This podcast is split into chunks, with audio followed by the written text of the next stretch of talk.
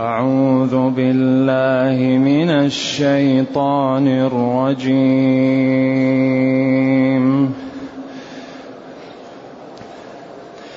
والذين كفروا بآيات الله ولقائه أولئك أولئك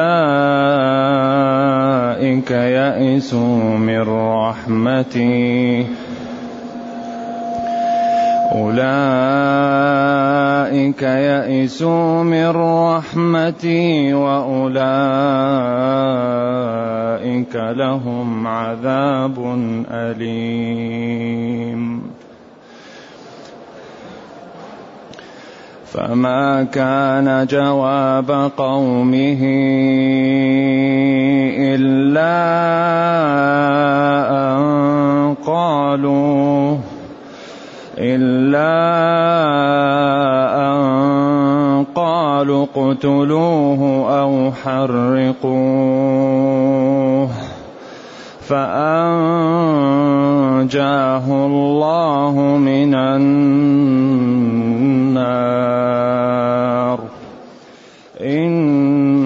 في ذلك لآيات لقوم يؤمنون وقال إنما اتخذتم من دون الله أوثانا مودة بينكم في الحياة الدنيا ثم يوم القيامة يكفر بعضكم ببعض ويلعن بعضكم بعضا ومأواكم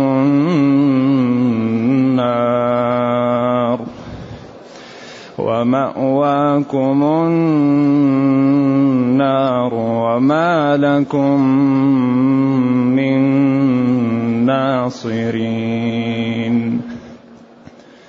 فآمن له لوط وقال إني مهاجر إلى ربي.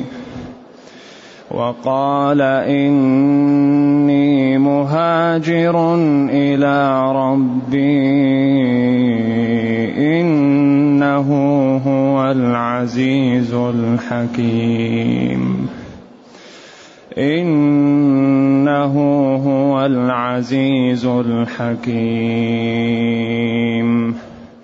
ووهبنا له إسحاق ويعقوب وجعلنا في ذريته النبوة وجعلنا في ذريته النبوة والكتاب وآتيناه أجره في الدنيا.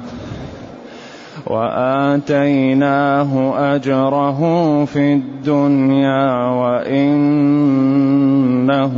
في الآخرة لمن الصالحين. ولوطا إذ قال لقومه إنكم لتأتون الفاحشة. إذ قال لقومه إنكم لتأتون الفاحشة ما سبقكم بها ما سبقكم بها من أحد من العالمين. أئنكم لتأتون الرجال وتقطعون السبيل وتأتون في ناديكم المنكر وتأتون في ناديكم المنكر فما كان جواب قومه إلا أن قالوا إلا أن قالوا ائتنا بعذاب الله إلا أن قالوا ائتنا بعذاب الله إن كنت من الصادقين. قال رب انصرني. قال رب انصرني على القوم المفسدين.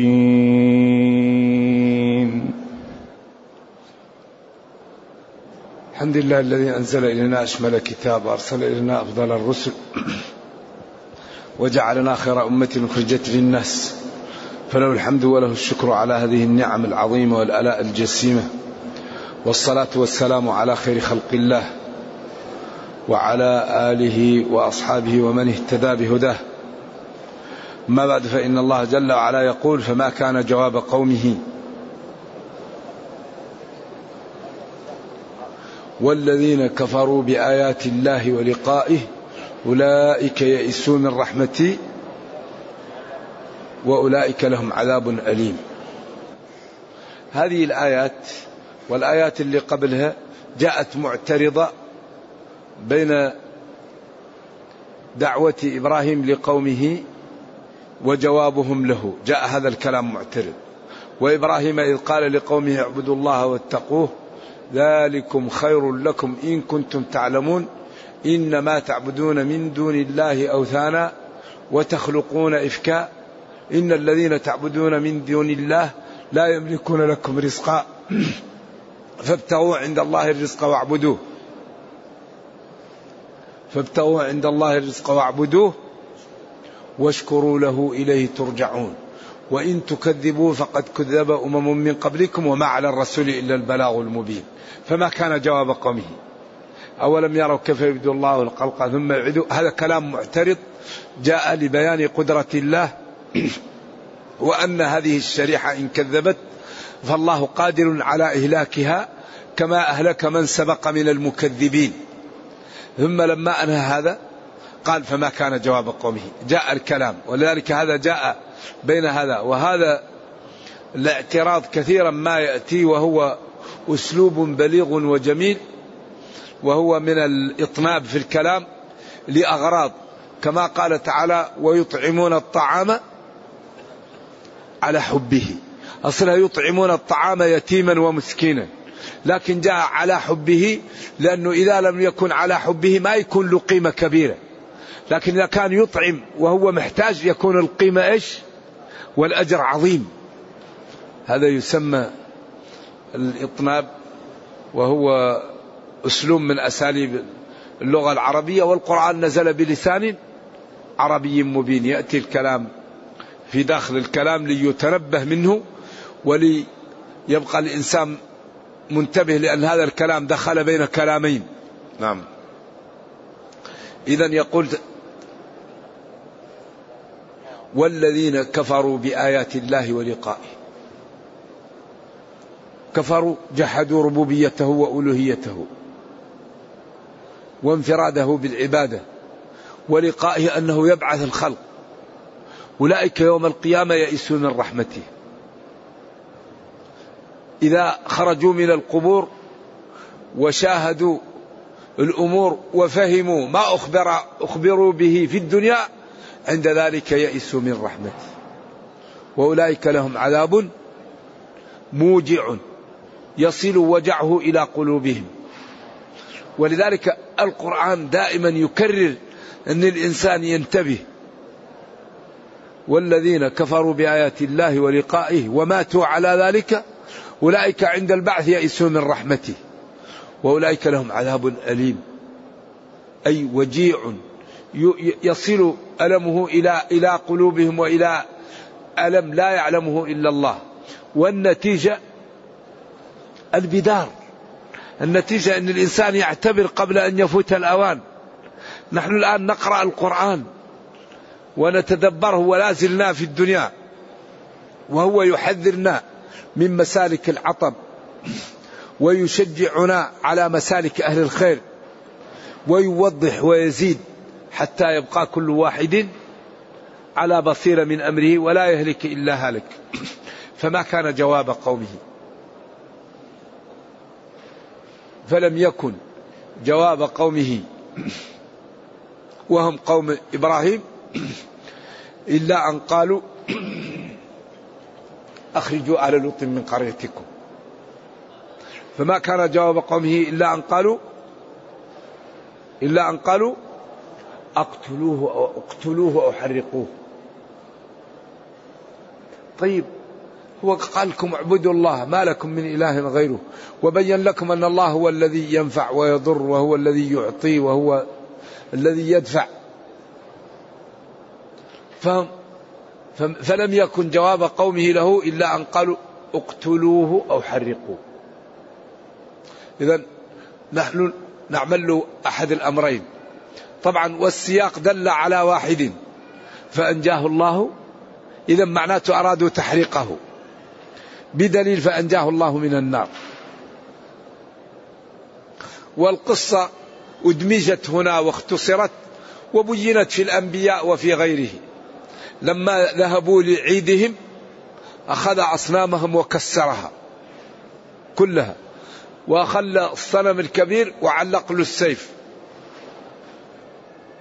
فلما رجعوا قالوا من فعل هذا بآلهتنا؟ قال إبراهيم بل فعله كبيرهم هذا. يعني يصدر أنه يده هو اللي كان ماسك بها وأشار لهم إلى الصنم الكبير في السيف. فاسألوهم إن كانوا ينطقون. أول رجعوا إلى أنفسهم فقالوا إنكم أنتم الظالمون الحق لكم. كيف تعبدوا أصنام؟ لا تعرف. بعدين جاءهم الشيطان نكسوا على رؤوسهم وقالوا له يا إبراهيم لقد علمت ما هؤلاء ينطقون. بعدين قال واحد سمعنا فتى يذكرهم يقال له إبراهيم. بعدين قالوا حرقوه وانصروا آلهتكم إن كنتم فاعلين. بعدين جمعوا الحطب وأتوا بالمنجنيق ورموه بالمنجنيق لأن يقال أن النار التي أوقدها لو يمر الطير يسقط لشدة الحر. ما كان يستطيع يمر فوقها شيء. وأخذوا من جنيق ورموه. يقال جاء جبريل قال ألك حاجة؟ قال أما إليك فلا. أما إليك فلا. أما قال حسبنا الله ونعم الوكيل. فقال الله للنار كوني كوني بردا كوني بردا. قال العلماء لو لم يقل سلاما لتجمد إبراهيم. لو لم يقل الله سلام لا لاصبح إبراهيم داخل النار. ثلج لكن قال كوني بردا وسلاما. يعني اذا فأنجاه الله من النار. فدمج القصة هنا ولذلك القرآن يبين بعض. ما أجمل في بعض فصل في بعض وما وضح في بعض أجمل في الثاني وكثيرا ما يحيل إلى إلى البيان الآخر. كما قال هناك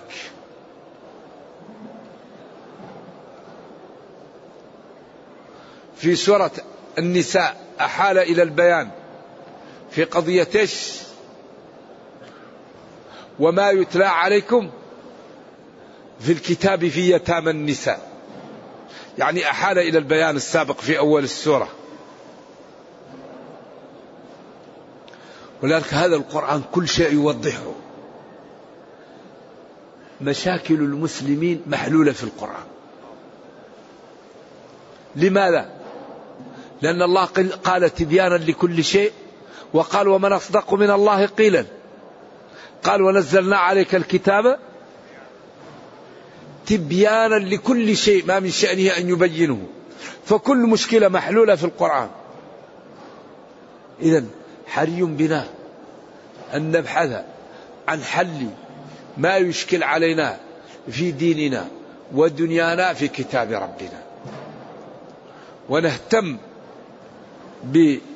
بالمراكز التي تخرج لنا من كتابنا الحلول لما نحتاجه. مراكز للقرآن. كيف نقوي التربية من القرآن؟ كيف نقوي الأخلاق من القرآن؟ كيف نقوي البيع من القرآن؟ كيف نقوي العلم بالقرآن؟ كيف نقوي الخشية بالقرآن؟ كل شيء يقوى بالقرآن. إذا هذا الكتاب فيه نبأ ما قبلنا وخبر ما بعدنا وحكم ما بيننا. كل ما موجود فيه من انتشاء خلق آدم ونزول من الجنة وإتيان إبليس له. ثم كيف نزل؟ وكيف وجدت له حواء؟ وبعدين إلى أن يدخل أهل الجنة أهل الجنة وأهل النار النار. وسيق الذين اتقوا ربهم إلى الجنة زمرا حتى إذا جاءوها وفتحت أبوابها. وقال لهم خزرتها سلام عليكم طبتم. وسيق الذين كفروا إلى جهنم زمرا حتى إذا جاءوها فتحت أبوابها. وقال لهم خزرتها ألم يأتكم رسل منكم يتلون عليكم آيات ربكم وينذرونكم لقاء يومكم هذا؟ قالوا بلى. كل شيء مبين فيه. أحل الله البيع وحرم الربا. أباح النكاح أنكحوا الأيام منكم والصالحين العباد. ولا تقربوا الزنا إنه كان فاحشة. كل يعني كل شيء حرموا علينا أعطانا بدل شيء إيش؟ حلال في غنية حلال. الربا حلال البيع حرام. الزنا حرام النكاح حلال. الخمر حرام الحليب وأنواع العصير مباحة. الميت حرام المذبوح حلال. كل شيء حرموا علينا أعطانا عنه إيش؟ غنية وكفانا. وهذا من الابتلاء حتى يقول المتقي سمعا وطاعة. ويقول المجرم ما الفائدة لله في هذا؟ ما الفائدة أني أضع وجهي في الأرض؟ ونجعل مؤخرتي فوق. ما الذي ينفع الله في هذا؟ عجيب. الله قال اسجدوا واركعوا. بتقول ما الفائدة؟ الفائدة أنك أنت تطيع ربك يدخلك الجنة تعصي تدخل جهنم. وبضدها ولذلك الدنيا كلها ابتلاءات. الله خلق الخلق للابتلاء. خلق الموت والحياة ليبلوكم. ولا يزالون مختلفين إلا من رحم ربك خلقهم للابتلاء والرحمة. وقال فمنهم شقي وسعيد. إذا فلم يكن جواب قومه إلا أن قالوا اقتلوه أو حرقوه. لكم الخيار بين أثنين. ودل السياق على أنهم اختاروا التحريق لقوله تعالى فأنجاه الله من النار. إن في ذلك لآيات لدلالات وحجج واضحة لقوم يؤمنون كيف من طبيعة النار الحرق وهي لم تحرق إبراهيم. ولذلك قدرة الله هائلة. أمره إذا أراد شيء يقول له كن فيكون. لذلك من هذه صفاته يطاع ولا يعصى ويشكر فلا يكفر ويذكر فلا ينسى. إن في ذلك الذي ذكرته لكم وبينته لكم لدلالات وبراهين واضحة لقوم يؤمنون يصدقون ويذعنون. وقال إبراهيم لقومه إنما اتخذتم من دون الله أوثانا مودة بينكم أوثانا مودة بينكم أوثانا مودة. ما أدري ثلاث قراءات فيها.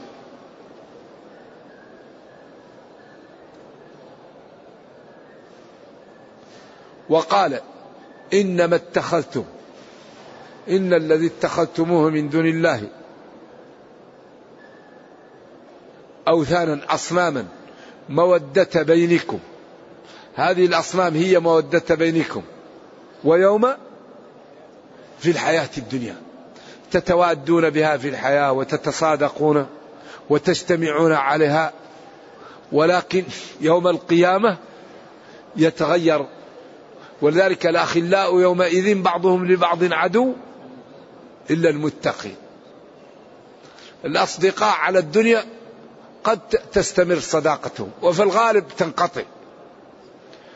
في الغالب أصدقاء الدنيا تنقطع في الدنيا لكن إذا كانوا عندهم بعض المصالح والعقل قد تستمر. لكن لا اليوم القيامة ما في أصدقاء إلا على الدين. أبدا. ثم يوم القيامة يكفر بعضكم ببعض.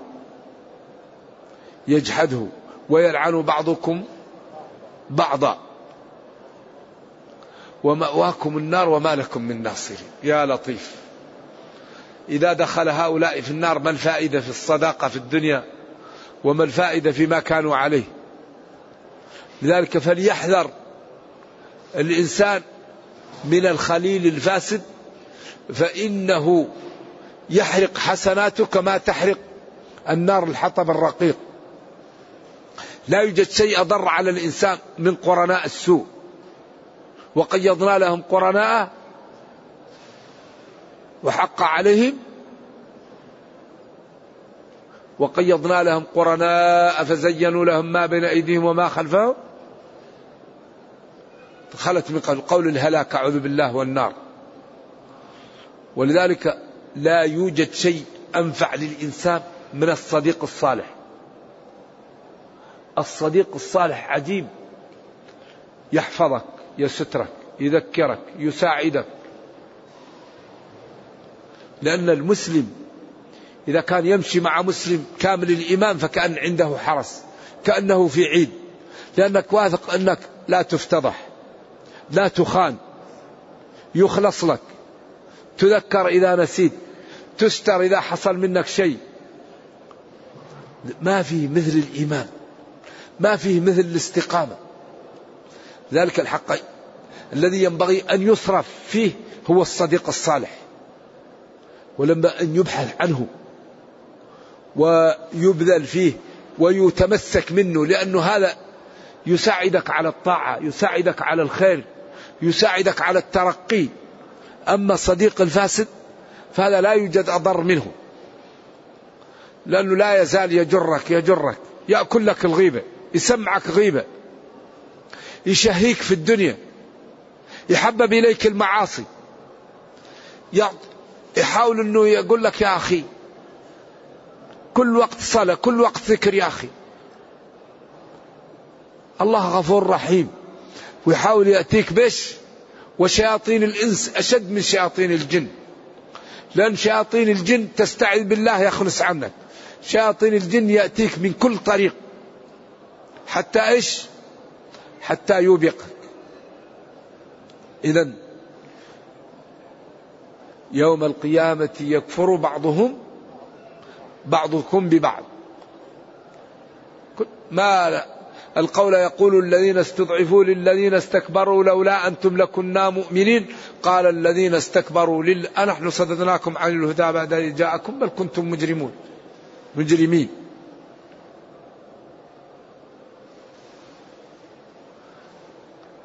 النار مثواهم جميعا. نرجو الله السلام والعافية. إذا يحذر العاقل من صديق السوء.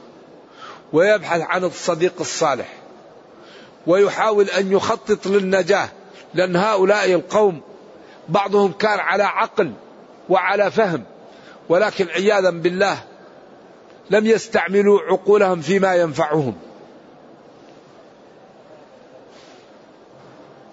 فآمن له أي صدق لأجله لوط وكان ابن أخيه وقريبه وقال إبراهيم إني مهاجر إلى ربي. مسافر إلى ربي إلى الله. إنه العزيز الغالب الحكيم هو الذي يضع الأمور في مواضعها. وذهب إلى الشام. نعم. ووهبنا أعطيناه منحة منا إسحاق. وبعدين أكرمناه إكراما آخر أن إسحاق يولد له ولد ويسمى يعقوب. وهذا أكبر دليل على أن الذبيح إسماعيل. لأنه كيف يأمره بذبحه وهو بشره به وبشره أن يكون له ولد. هذا أكبر دليل على هذا. وهبنا له إسحاق ومن بعد إسحاق ابنه يعقوب يعقوب بن إسحاق. فأكرمناه بأن يكون له ولد وهذا الولد يعيش حتى يولد له. وقلنا إن هذا أكبر دليل على أن الذبيح إسماعيل وليس إسحاق لأنه كيف يأمره بذبحه وقد أخبره أنه يولد له ولد.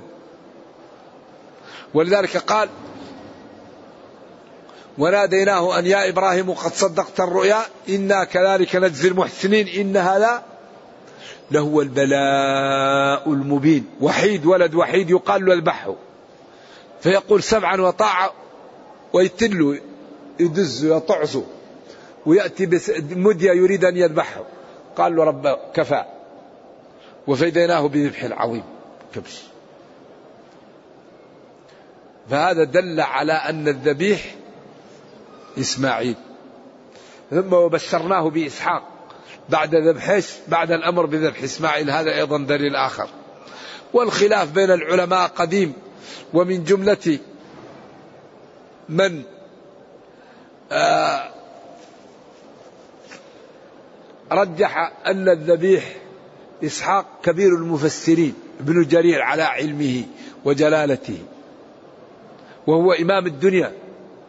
ولكن كل كلام فيه مقبول ومردود. إلا كلام النبي صلى الله عليه وسلم. فهذا القول مرجوح رجحه المحققون. كما قلنا وبشرناه بش؟ ووهبنا له إسحاق ويعقوب. نافلة نعم. وجعلنا في ذريتهم النبوءة والكتاب. في ذريته النبوة والكتاب.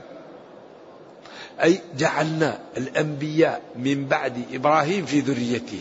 وأولاده والكتب تنزل عليهم. وهذا منحة إلهية. وآتيناه أجره في الدنيا. كل الناس تنتسب لإبراهيم وتحبه وتذكره بالخير. وما في واحد يقول إبراهيم في شيء. اليهود والنصارى يقول وما أنزلت التوراة والإنجيل إلا من بعده. أفلا تعقلون؟ ويقول كان إبراهيم ما كان إبراهيم يهوديا ولا نصرانيا ولكن كان حنيفا مسلما. وما كان من المشركين. إن أولى الناس بإبراهيم للذين اتبعوه وهذا النبي محمد صلى الله عليه وسلم. وآتيناه أجره في الدنيا. جعلنا له الذكر الحسن والسيرة العطرة والولد الصالح. منح إلهية. لأنه عبد أكرمه الله وفى كل ما أمر إبراهيم بشيء يقول حاضر. ما قال لا. وإبراهيم الذي وفى. كل ما أمر إبراهيم يقول سمعا وطاعة. فلذلك أعطاه الله ما أعطاه لما رزقه من الاستقامة ومن تنفيذ أوامر الله ومن الصبر على الابتلاءات التي جاءته. وإنه في الآخرة لمن الصالح. إذا جمع له ربه بين صلاح الدنيا والأخرى. وأي شيء أعظم من أن تصلح للعبد دنياه وأخرى أعطاه في الدنيا الذكر الحسن والولد الصالح. وكل واحد يتمنى أن يكون تبع إبراهيم. وإنه في الآخرة من جملة الصالحين الذين يكرمهم الله. ولذلك لا يوجد شيء أعز على الإنسان من أن تصلح له دنياه وأخراه. وصلاح الدنيا والأخرى يكون بالطاعة لله وامتثال أوامر الله واجتناب نواهيه. فإذا قام العبد بأوامر الله واجتنب نواهي الله وعمل بطاعة الله في ضوء دين الله ربنا يصلح له الأخرى والدنيا والأولى. ولذلك قال أوفوا بعهدي. إيش؟ أوفي بعهدكم. لئن أقمتم الصلاة وآتيتم الزكاة وآمنتم برسلي وعزرتموهم نصرتموهم وقويتموهم ودعوتم لما جاءوا به ورددتم عنهم. وأقرضتم الله قرضا حسنا بذلتم من أموالكم ومن أوقاتكم ومن جاهكم. لأكفرن عنكم سيئاتكم ولأدخلنكم جنات تجري من تحتها الأنهار. والله لا يخلف الميعاد لكن نحن دائما نريد الثمن والمثمون. ما هو معقول؟ المسلمون الواحد يريد أن يدخل الجنة بدون ما يدفع شيء. لا. الآيات السابقة أول السورة هذه اللي نحن فيها. ألف لام ميش أحسب الناس أن يتركوا وهم لا يفتنون. ولقد فتنا الذين من قبلهم فلا يعلمن الله الذين صدقوا الكاذبين. ليبقى الجنة يبذل من ماله من جاهه من وقته من راحته من عرضه. يبذل. أما الذي يريد الجنة ولا يبذل ما هو معقول. واحد الآن يأتي لأحد المتاجر ويأتي بعربة ويمليها من البضائع. ويخرج بدون ما يحاسب ماذا يقول له صاحب المحل. ماذا يقول له إيش بك يا أخي؟ كل شيء له ثمن. إذا الجنة لها ثمن. ونعم لها ثمن. العلم له ثمن. التقى له ثمن. كل شيء له ثمن. وأعلى ثمن ثمن الجنة لأنها أعز شيء ينال المسلم الجنة. فثمنها غالي. العلم له ثمن. هل رأيتم إنسان ينال رفعة العلم ما وجد ذل الطلب؟ لا يمكن. لا يمكن الإنسان ينال رفعة العلم إلا بعد أن يتجرع ذل الطلب. العري والعطش والجوع والسهر والتعب والخدمة والبعد عن الأصدقاء والأحبة والأهل. بعدين ينال عز العلم. ما يمكن ينال العلم من لم يتجرع التعب. يسهر يقرأ. يسهر. يتحمل الجوع العطش البعد عن الأحبة وعن الأصدقاء وعن التفسح وعن النوم وعن الراحة. بعدين ينال عز العلم. هل يمكن ينال التقى من لم يكابد الطاعة؟ غض البصر كف اللسان السمع اليد الرجل البطن يكابد الطاعات. بعدين يأتيه التقى ويمتلئ قلبه من الإيمان. ما يمكن يأتي التقى إلا بمكابدة الطاعات. ولذلك قال تعالى والذين جاهدوا والذين جاهدوا. البصر المشاكل من البصر. ولذلك ربنا قال قل للمؤمنين يغضوا غض ولرحمته بنا ما قال يغضوا أبصارهم حتى لا يسقط الواحد في حفرة أو يضربه جدار. قال يغضوا من أبصارهم. لكن قال ويحفظوا ما قال ويحفظوا من فروجهم. لا الحفظ للفرج لأنه ما يضر. لكن البصر لكن النظرة الأولى. عجيب هذا الدين. ذلك التقى ينال بمكابدة الطاعات. ولذلك الأعمال تسقي القلب كما تسقي المياه الأشجار. كما أن الشجر لا يعيش بدون الماء الإيمان لا يعيش بدون عمل. الذي يقوي الإيمان العمل الصلاة الزكاة الذكر الاستغفار هذا الذي يقوي الإيمان. ويجعله قوي ويجعل صاحبه نشيط على الطاعة قوي عن ترك المعاصي. فإذا ترك المسلم الأعمال ذبل الإيمان في قلبه. فلم يقاوم الشهوة ولم يقاوم الشبهة فجره الشيطان وبعدين أوقعه في المهالك. إذا أهم شيء يقوي الإيمان العمل طاعات لذلك الصلاة هذه أمرها عجيب. نهر جار على باب أحدكم يغتسل منه خمس مرات أيبقى عليه درن؟ لكن الصلاة ما تنفع إلا إذا كانت بخشوع وبإخلاص نية وبركوع وسجود وقراءة. إذا كانت ناقصة يكون أجرها ناقص. واتناه أجره في الدنيا لوط وإنه في الآخرة لمن جملة الصالحين. يعني أصلح له ربه دنياه وأخراه. واذكر لوطا إذ قال لقومه وأرسلنا لوطا وقال لقومه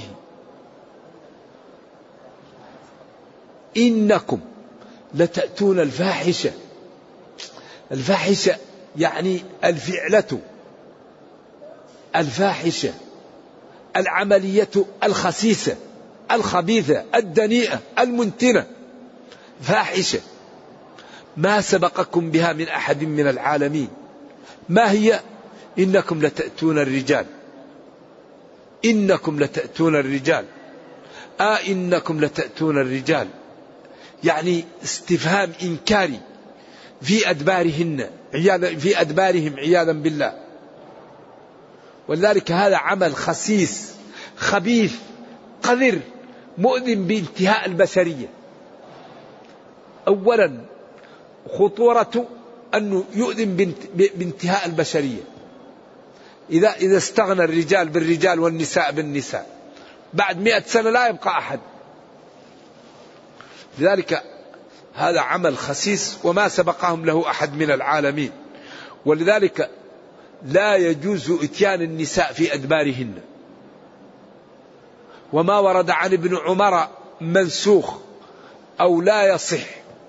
وما صح منه فهذا قبل ان ان ان, أن تأتي النصوص. ملعون من أتى أهله في دبرها. وقال نساؤكم حرث لكم فأتوا حرثكم. أن شئتم إذا كان في محل الحرث. بعض الناس يقول نساؤكم حرث لنا في محل الحرث. الحرث محل زرع الولد. أما الدبر ليس محل هذا محل العذرة. محل منتن وليس محل الحرث. الناس شئتم مقبلة أو مدبرة إذا كان في, مك... في القبل. إذا كان في محل زرع الولد. مقبلة مدبرة قائمة نائمة. إذا كان في صمام في محل الحرث. أما إتيان النساء في أدبارهن فهذا محرم بالإجماع. لا يجوز. وملعون من فعله. ولا تبيحه الشريعة. بل حرم الله إتيان الزوجة وهي في الحيض.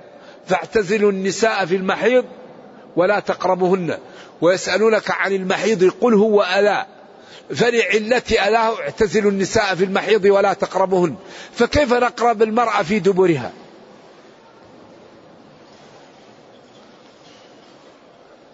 لذلك هذا الدين دين غاية في الحسن والجمال.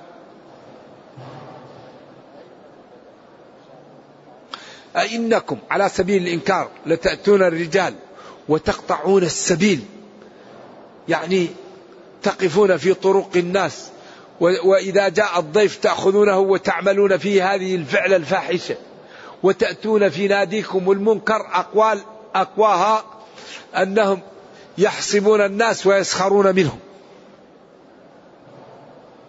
يقول يبنون على السابلة ويجلسون في مجالسهم فإذا جاء الإنسان حصبوه بالحصى وسخروا منه وناديهم مجلسهم. المنكر وهو هذا الذي يفعلوه على أصح الأقوال.